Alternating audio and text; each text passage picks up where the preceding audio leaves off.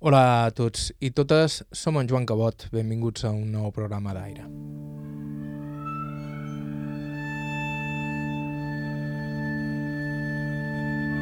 Hi ha gent que dona gust només sentir-la parlar. Te conti el que te conti. Miquel Bordoi, de 98 anys i nascut a Sorta, a Mallorca, és d'aquesta mena de persones. Gent que en les seves expressions, en la manera d'explicar les seves vivències, evoca tot un món, tota una manera d'entendre'l. En Miquel és molt major i parla pausadament, però conserva una memòria ben precisa. I a més és xerrador, Fill de pagès, va arribar a Porreres quan a son pare el varen llogar a la finca de Son Jeroni, coincidint amb els primers dies de la Guerra Civil a Mallorca. De fet, en Miquel va veure amb els seus propis ulls les foses on acabarien els cadàvers de cents de represaliats. Un testimoni que és un autèntic tresor, un més que afegir a la nostra llista i que volem compartir avui amb tots vosaltres. Estau escoltant Aire a IB3 Ràdio, vos parla Joan Cabot. Començam.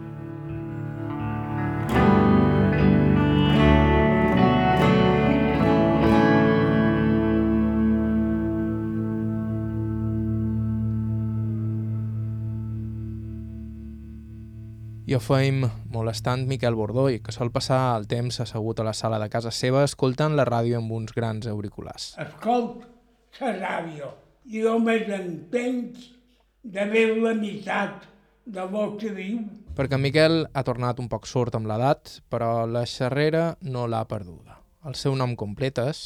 Miquel Bordoi Rosselló. Vaig néixer a, en Esquerixó l'any 24, dia, dia 16 de, de, de desembre. I a què se dedicaven els vostres pares? A, a fer de fora violers, a feina en el camp i una mica de seu que tenien i vivien, com se suposa, just, just varen estar, quan jo era petit, a, a una possessió a dins Horta, que se diu Can Lleà. Hi vàrem estar quatre anys i jo en tenia d'haver dos que m'hi vàrem anar i, i hi vaig estar amb, amb els pares i llavors se va partir la finca i una germana de, de la senyora li va tocar una, una finca que li deuen, li diuen Son Isidro. I ell va dir a mon pare, a ordenar estar a Son Isidro. Jo hi volia faré una casa i jo volia faré fer una casa gran i, i, i heu de ser el pagès de Son Isidro. I mon pare va dir de conforme, se van entendre més que hi havia una cunyada i se tenia la casa venuda a un senyor de per Palma i no va voler, voler donar part de res a, a mon pare de la casa. I ella vivia i mon pare li mantenia esconit. I com va anar passejat la manté, ja els brills tots en terra i, i, i només hi havia conills. I, I va dir a la senyora, deixaré la clau en Espanya i me'n vaig a la meva, va dir ell, que mon pare tenia una casa fora vila amb un parell de, de trossets de terra envoltats. I mos vam anar a viure allà i jo vaig partir a l'escola, en el Carritxó, amb don Joan Llull. I hi vaig anar fins que vaig tenir 11 anys. Llavors mos va sortir una altra finca a, a dins del terme de Porrelles, que se diu Sant Jeroni. I, i mon pare i, i, i per ser jo també, que era un nen que no servia per res, hi vàrem, ho va, ho va demanar i va dir, sí, sí, diu, tinc informes de vosaltres i ell per anar a dir la Mare de Déu, està buida sa casa, la feim nova, no està acabada, però ja hi ha un parell de dormitoris i, i, i no han sembrat res. Hi sempre molts arbres, hi fan clots, homes, i uns altres sembren arbres que hi ha el planter a dins la finca de la Malverà. Conforme hi, hi anam dia 15 d'agost de l'any 36.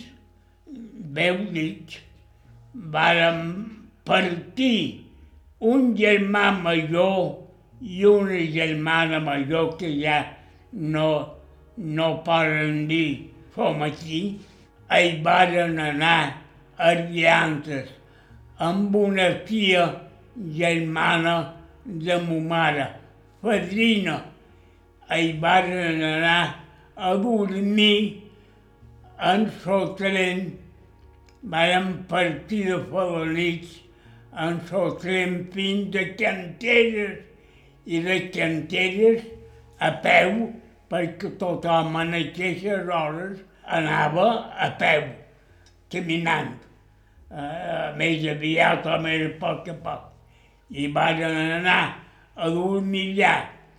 I jo i mon pare i mon mare i un germà més petit, més jove que jo, vàrem mon pare van llançar el carro a dir la Mare de Déu el mur en el carro i mos carreguen a nosaltres i mo mare ja l'havíem embalat de capa a cercar Sant Jeroni a Bonera i mos ne vàrem anar cap a l'Eix i el senyor havia dit heu d'agafar la carretera de Campos i a la dreta hi ha un camí que va cap a Sant Mesquida, una carretera magra.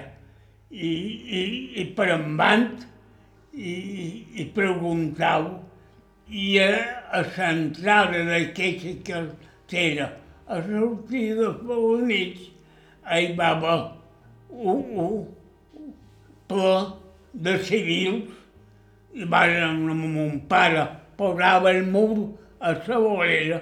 Diu, no, nosaltres anam, doncs d'anar per la carretera un redolet. I li van dir, oh, que ara, bé, hi ha hagut un desembarc, un desembarc de rojos, jo vaig dir a mon pare, i, i, i quin comú és això. I, i mon pare em va dir, ja ho sabràs, amb el més gran.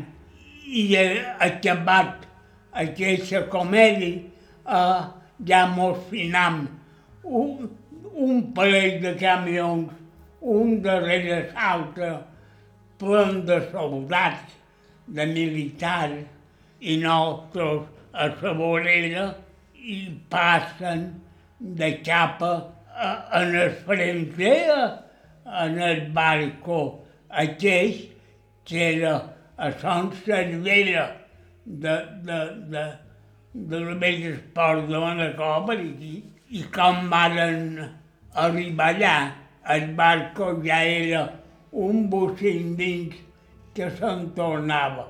Només van tirar un parell de bales poques i, i, i arriba un camió n'hi havia pus de falange amb escopetes i gerrots i, i, i escorretjades i, i els varen dir a soldats on anau a, a, amb aquestes eines Déu, Déu ja a, els xilemes rojos ja se'n van, se'n tornen, perquè han vist que hi havia camió per aquí i no han volgut fer desastres i se'n van tornar. I nosaltres agafaren carretera, bolera, bolera, en so carro i el mur i agafam el camí de Son Mesquida i, i demanant a, a passar en el llogueret de Sant Mesquida a l'esquerra demanau el camí de les canteres i tirau per endavant i, i, i eren fora encara. I això era a 20 federits, ja l'havíem envelat camí, camí per endavant i, i, i mo mare duia un barral a llenties que va dir haurem de dinar de les llenties i partirem per endavant i pejam a la vora la boca de les pedreres i ells feien una casa i, i van demanar a les homes, diu, voltau cap a Porreres aquí i per amunt i encara hi ha 4 o 5 quilòmetres no? i per amunt i, i arribàrem a un pastor i que, que, que guardava un guer a la vora del camí i va dir, diu, això ja és Sant Jeroni, però s'han fet dos i ara nosaltres mos quedam en el vell, que és en un raig més gran i l'altre a, a llavors anava altre. Mon pare va dir, sí, si Déu vol, si Déu vol, seran veïnats, seran veïnats ara. I així vàrem anar cap a Sant Jeroni i quan vàrem allà ja era prop de migdia, o de vell migdia de llavors, d'ara no ho sé. I, i vàrem, mo mare va posar les llenties que les duia dins un barral d'això que posaven vi tapat amb un bastó perquè estava un poc romput damunt en el cap. Li faltava, era un barral vell, però era bo per conservar-hi llegums i va posar llenties en el foc de llenya i olla i un cuerot de fusta va bullir aquelles llenties perquè estava retirat tot, botilles, farineres. Bueno, havies d'anar a fer una cartilla de racionament que la, i, i, i amb aquella cartilla te demanaven quan éreu i, i ho duia apuntat. I sí, te donaven un tant per cada un i t'havia de mastar, t'havia de mastar allò. i, i quatre llenties i un pot de pa, de pa que hi havia mesclat una senara d'ordi i dues de blat en posàvem, perquè havíem hagut d'entregar blat i nosaltres en teníem molt poc i mon pare em va mallar un poc i li van dir no, no, no manguis res que si t'hi troben te faran la pell amunt i mon pare se va fer, se va fer por i, i ho van treballar i llavors em va de comprar un sac a l'os a Sant Jeroni Vell per poder sembrar. I a Sant Jeroni Vell coneixien més el batle i els que volien comandar, amb una paraula, perquè havia no sé quants de partits, de, de raqueters, de falange i de comunista i res, i no sabies en aquí, en aquí havies d'anar. Estàvem malament, la cosa. Qüestió era poder menjar un poc i no fer els ruïssos gaire grossos. I d'aquesta manera vàrem anar visquent a Sant Jeroni. Mon pare llavors va vendre la finca d'allà, la casa i aquell parell de trossets, perquè era un bolic per estudiar parets, eren tres cases embolicades, una per l'altra.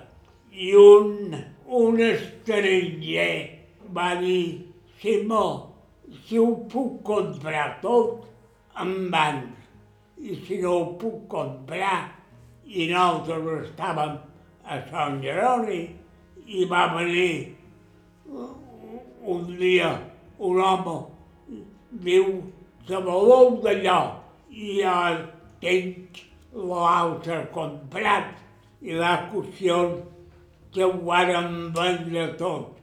I mon pare va comprar un pati a dins el poble, no gaire fora d'aquí, un pati de 400 metres. I el van tancar amb un veïnat que se, va, que se van partir un altre tros d'un altre tros de pati i, i ells van fer una casa i, i, i els meus pares eh, s'hi varen morir tots dos.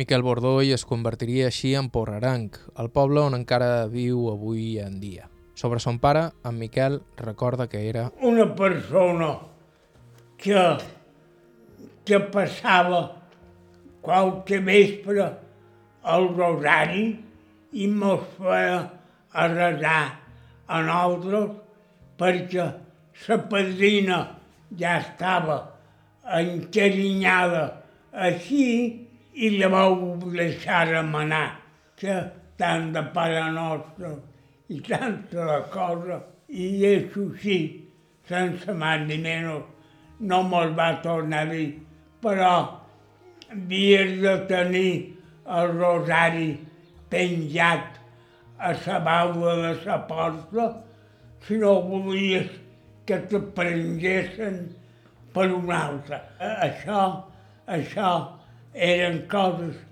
que no, no, havia, no podies dir ja som blancs ni som negres.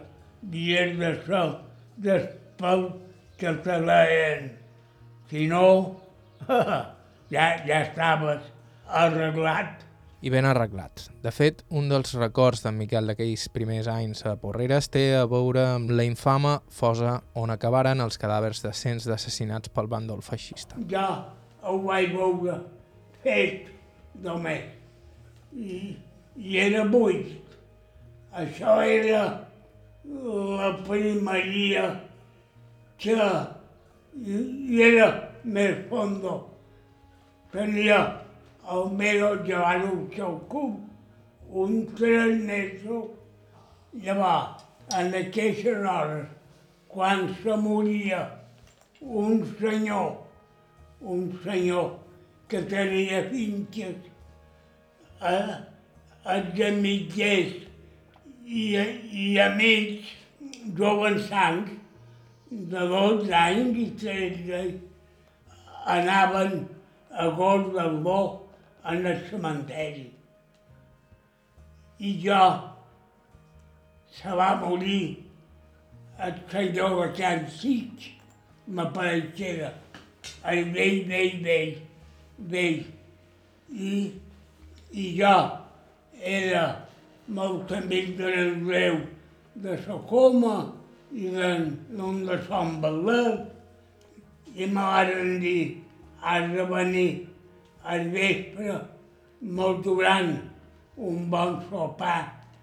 Nosaltres, però, no mos deixàvem un pam en fora, un de i hi havia aquell cop buit, com en i ja me varen partir a omplir-lo i aviat el varen tenir, tenir ple.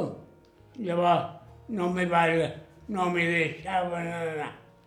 No volien que els lots anassin per allà.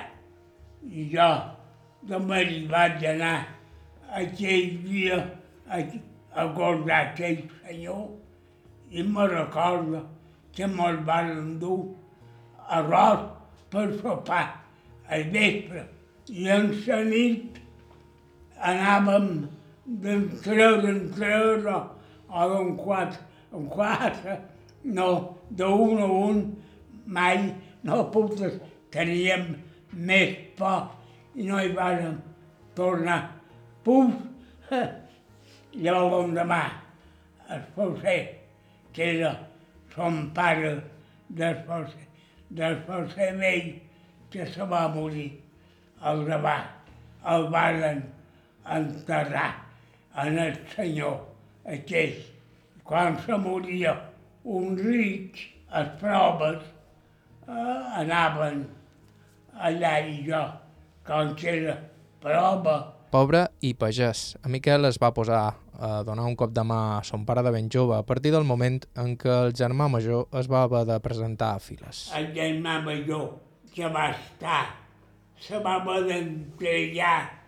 Va venir dos civils i van dir aquí no hi ha en Salvador Bordoi que tal dia va complir els 18 anys i mon pare va liar bé li van dir, Salvador, demà, que no havia més a prop, te presentes en el Consell del Carme, que tots, tots els teus companyeros que tenen de vuit anys dins d'aquells mesos, primers tres o quatre mesos, ara jo, bé exacte però anar i al cap de no sé quants de dies va venir vestit de soldat. Diu, et segur que mos embarcaran perquè el corter del Carme està ple i mos d'ulls en el gelai fort. Li deia, jo no sé on és, però dels per ciutat i estaven en el gelai fort i amb bequis mesos. Això ja era el darrer any de la guerra, perquè em va durar tres. I quan se va rendir Menorca, allà hi havia pocs i un capità per ells nostre, que eren nats de felanits i a por ells i s'havien de, de matar un als altres.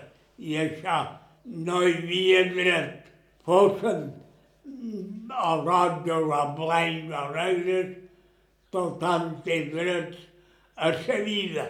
I el meu germà va anar a les desembarcs a Menorca i molt va escriure de la mola i ell va estar, no se coneixien amb aquest capità, ni en sos porells, qualcun de falanits que aquells hi varen estar els tres anys allà.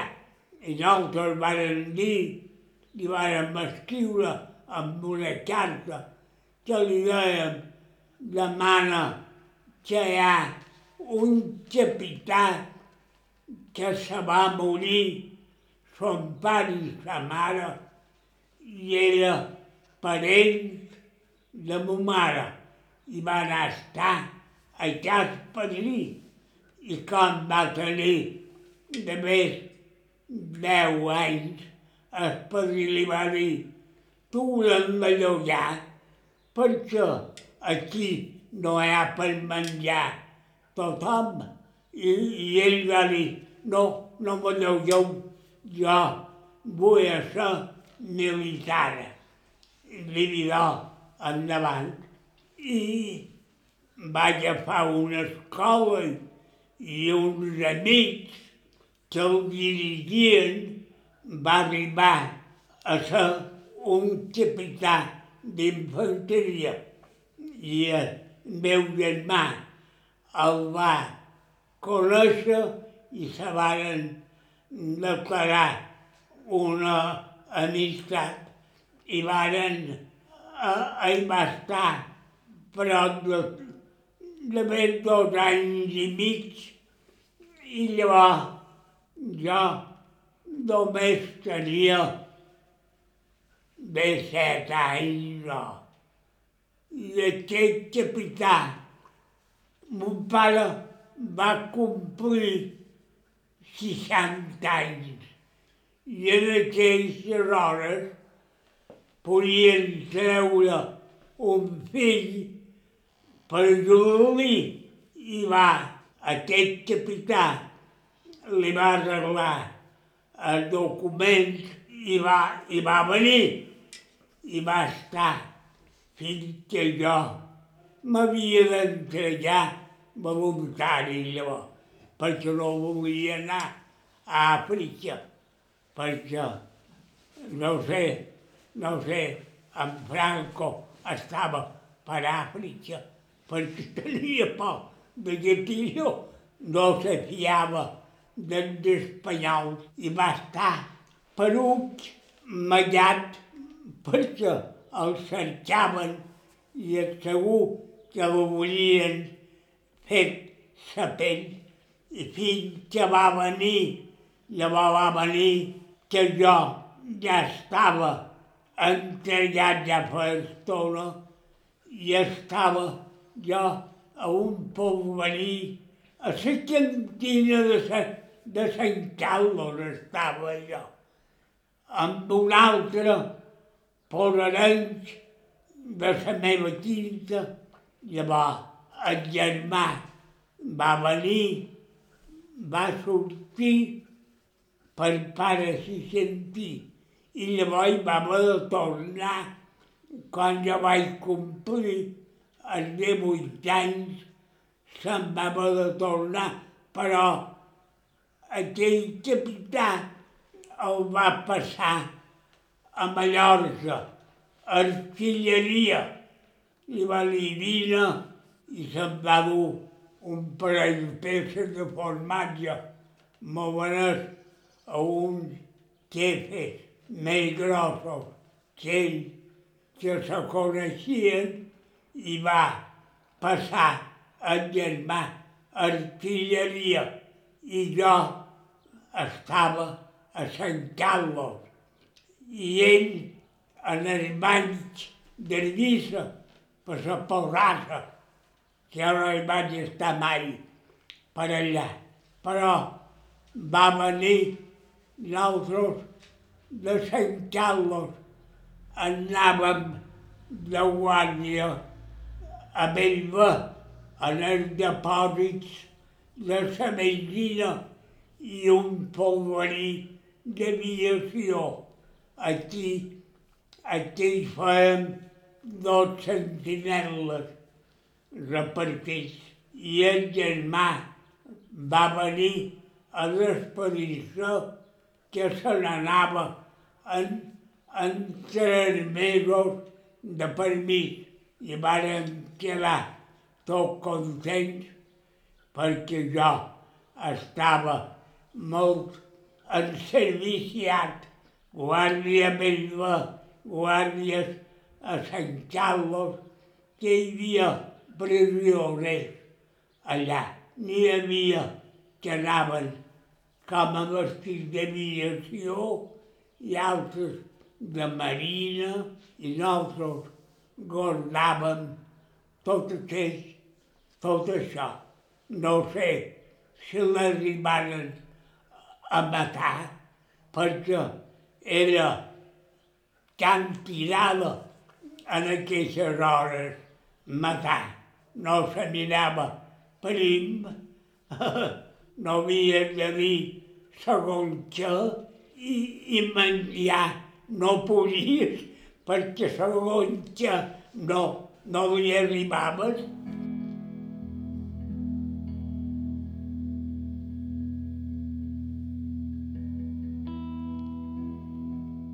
Era Miquel Bordoi, nascut el 1924, un testimoni increïble de qui encara ens queden per escoltar unes quantes memòries més. Estau escoltant Aire a IB3 Ràdio, faim una breu pausa i continuem.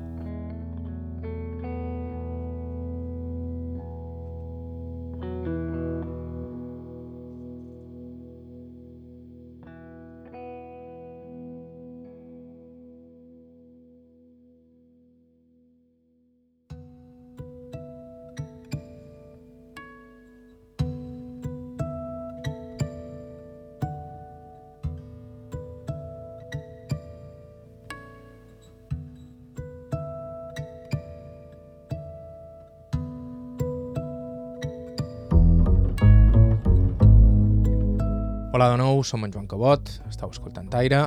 En concret, aquest és el nostre programa 198 i això vol dir que ens queden només dos programes per arribar als 200 i ho volem celebrar amb tots vosaltres.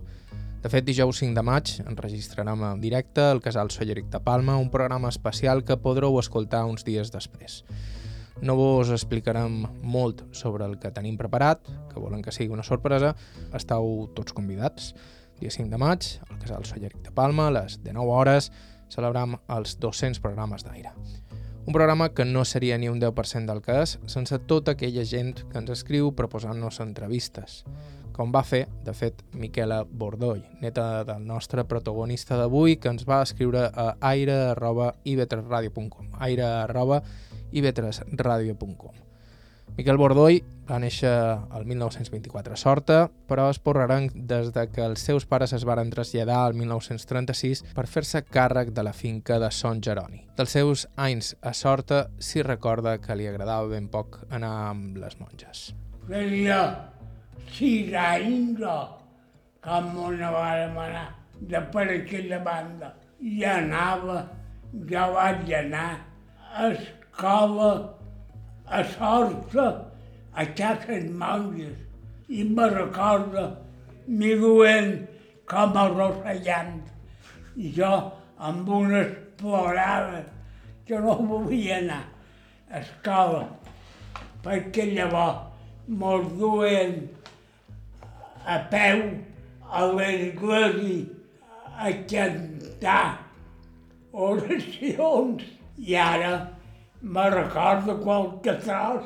Era això el que el disgustava perquè estudiar, diu, sempre li va agradar. A l'escola jo m'agradava molt anar a escola a Sant Jeroni, allà més cap a Sant Rosselló, Sant Rossinyol i les puntes i les roques blanques i en aquest puestos hi havia a les puntes hi havia en Jaume, que, era de la meu, de meu any.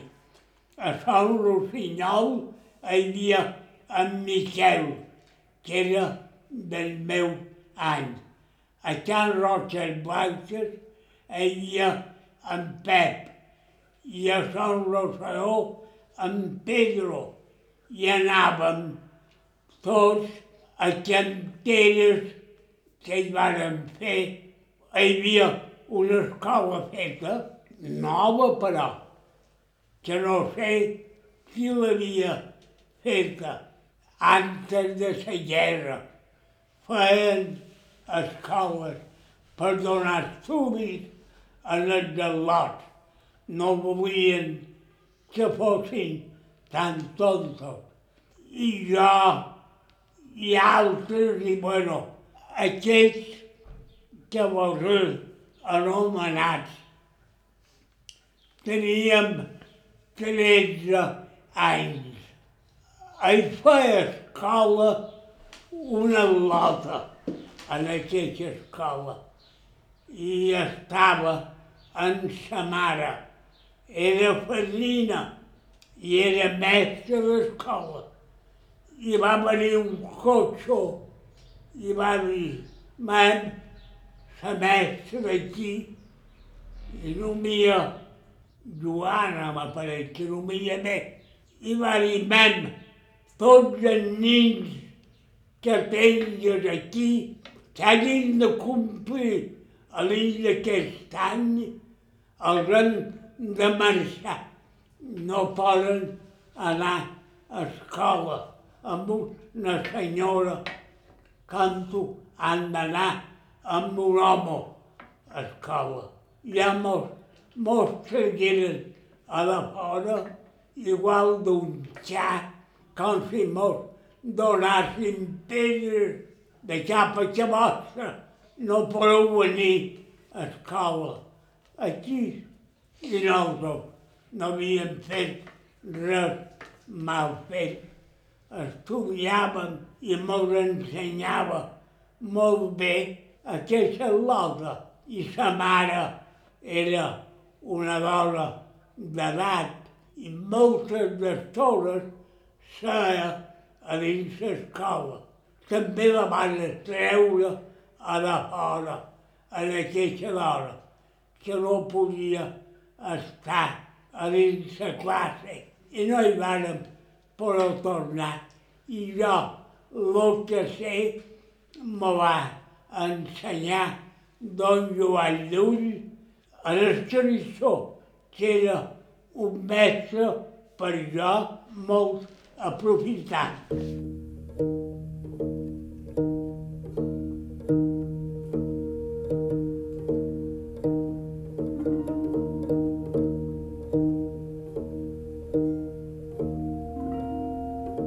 De més, les estretors habituals de la postguerra. Miquel Bordoll ho té clar quan li deman si hi havia distraccions o entreteniments per un jove com ell aquells anys.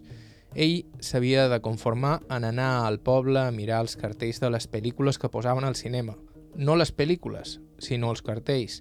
I a més, amb una bicicleta compartida amb el seu germà, colcant una estona un, una estona l'altra. Per Sabadell no teníem més que una bicicleta que em varen pagar set duros. Una bicicleta vea, vea, era la més nova que teníem i per anar a la vila, en el cine, no hi podíem anar perquè no teníem, no podíem gastar.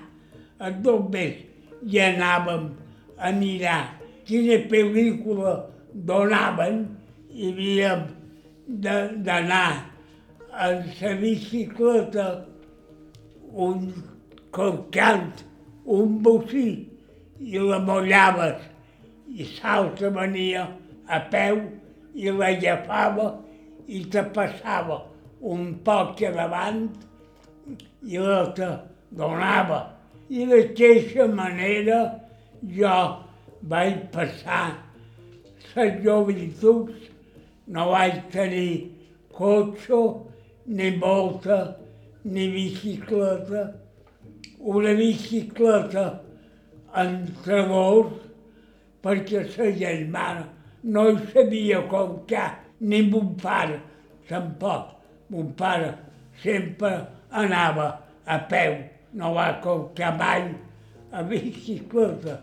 I jo n'estava content perquè eh, almenys jo i el germà, un tros per hom, no anàvem tot el camí a peu.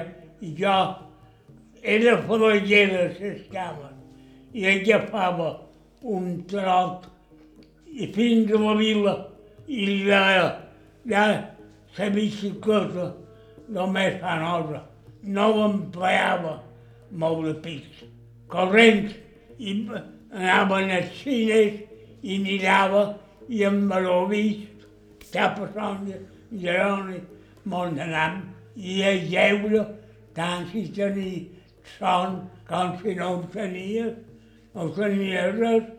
Dos vés, mon pare no m'ho no podia donar perquè havia de mestre per ell. El meu germà se'n va anar que tenia havia complit de vuit anys, feia només un mes o un mes i mig.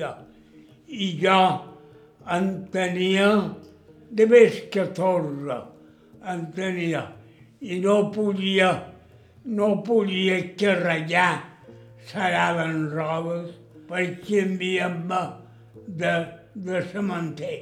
I en el cap, per girar-la, me venia ben de just, si m'enganxava a una pedra, la desparava i en les meves manyes l'arribava a les enganxar. I llavors, a poc a poc, vaig anar tornant de més 15 anys. Jo tenia 15 anys va acabar la guerra. Acabant l'estiu del 39 se va acabar la guerra. Però el germà se'n va anar a Menorca i va poder estar allà fins que mon pare va tenir els 60 i ell va estar per més de dos anys, ell va estar i no va venir cap vegada, amb penes mos coneixíem ja i allà estava a infanteria ell i la primera carta que mos va enviar mos deia que de dir la mà havia vist fins que s'havia viscut ell per el terme de Sorta. Havia vist Can Lleà i Sant Isidro i llavors m'on vàrem anar a estar a casa nostra i no hi havia home, quatre llenties i, i en collíem per menjar dos pisos i vàrem cercar manera per viure més i en menjàvem de bessons de fava, frits i torrats de tota manera. Aquell parell d'anys a Sant Jeroni que havíem hagut de manllevar el gra per sembrar i ho havíem de tornar i dir gràcies.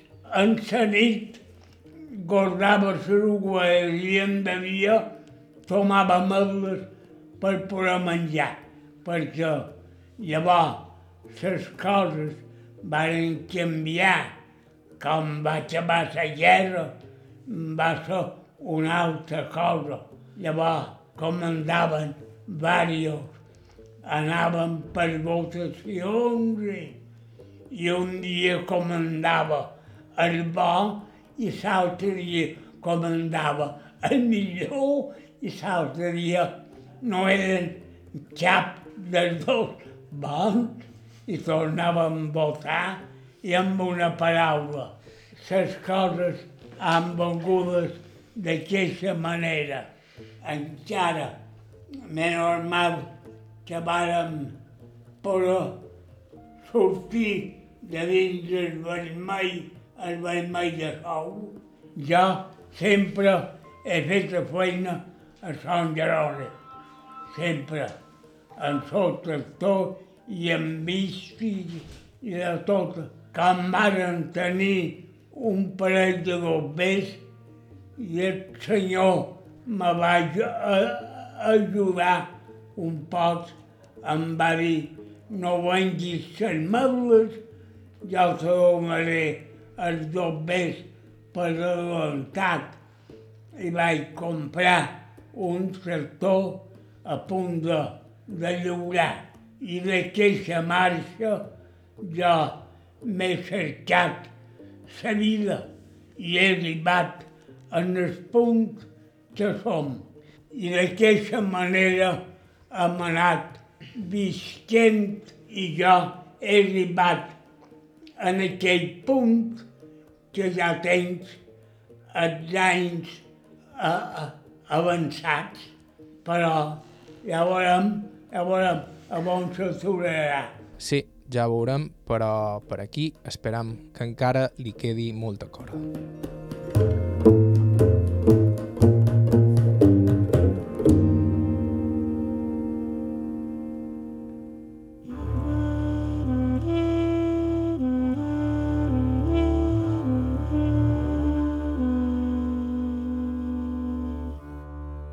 Fins aquí el programa d'avui. Moltíssimes gràcies a Miquel Bordó i pel seu temps i compartim nosaltres les seves memòries i moltíssimes gràcies a la seva família i especialment a la seva neta Miquela, que va ser qui ens va escriure.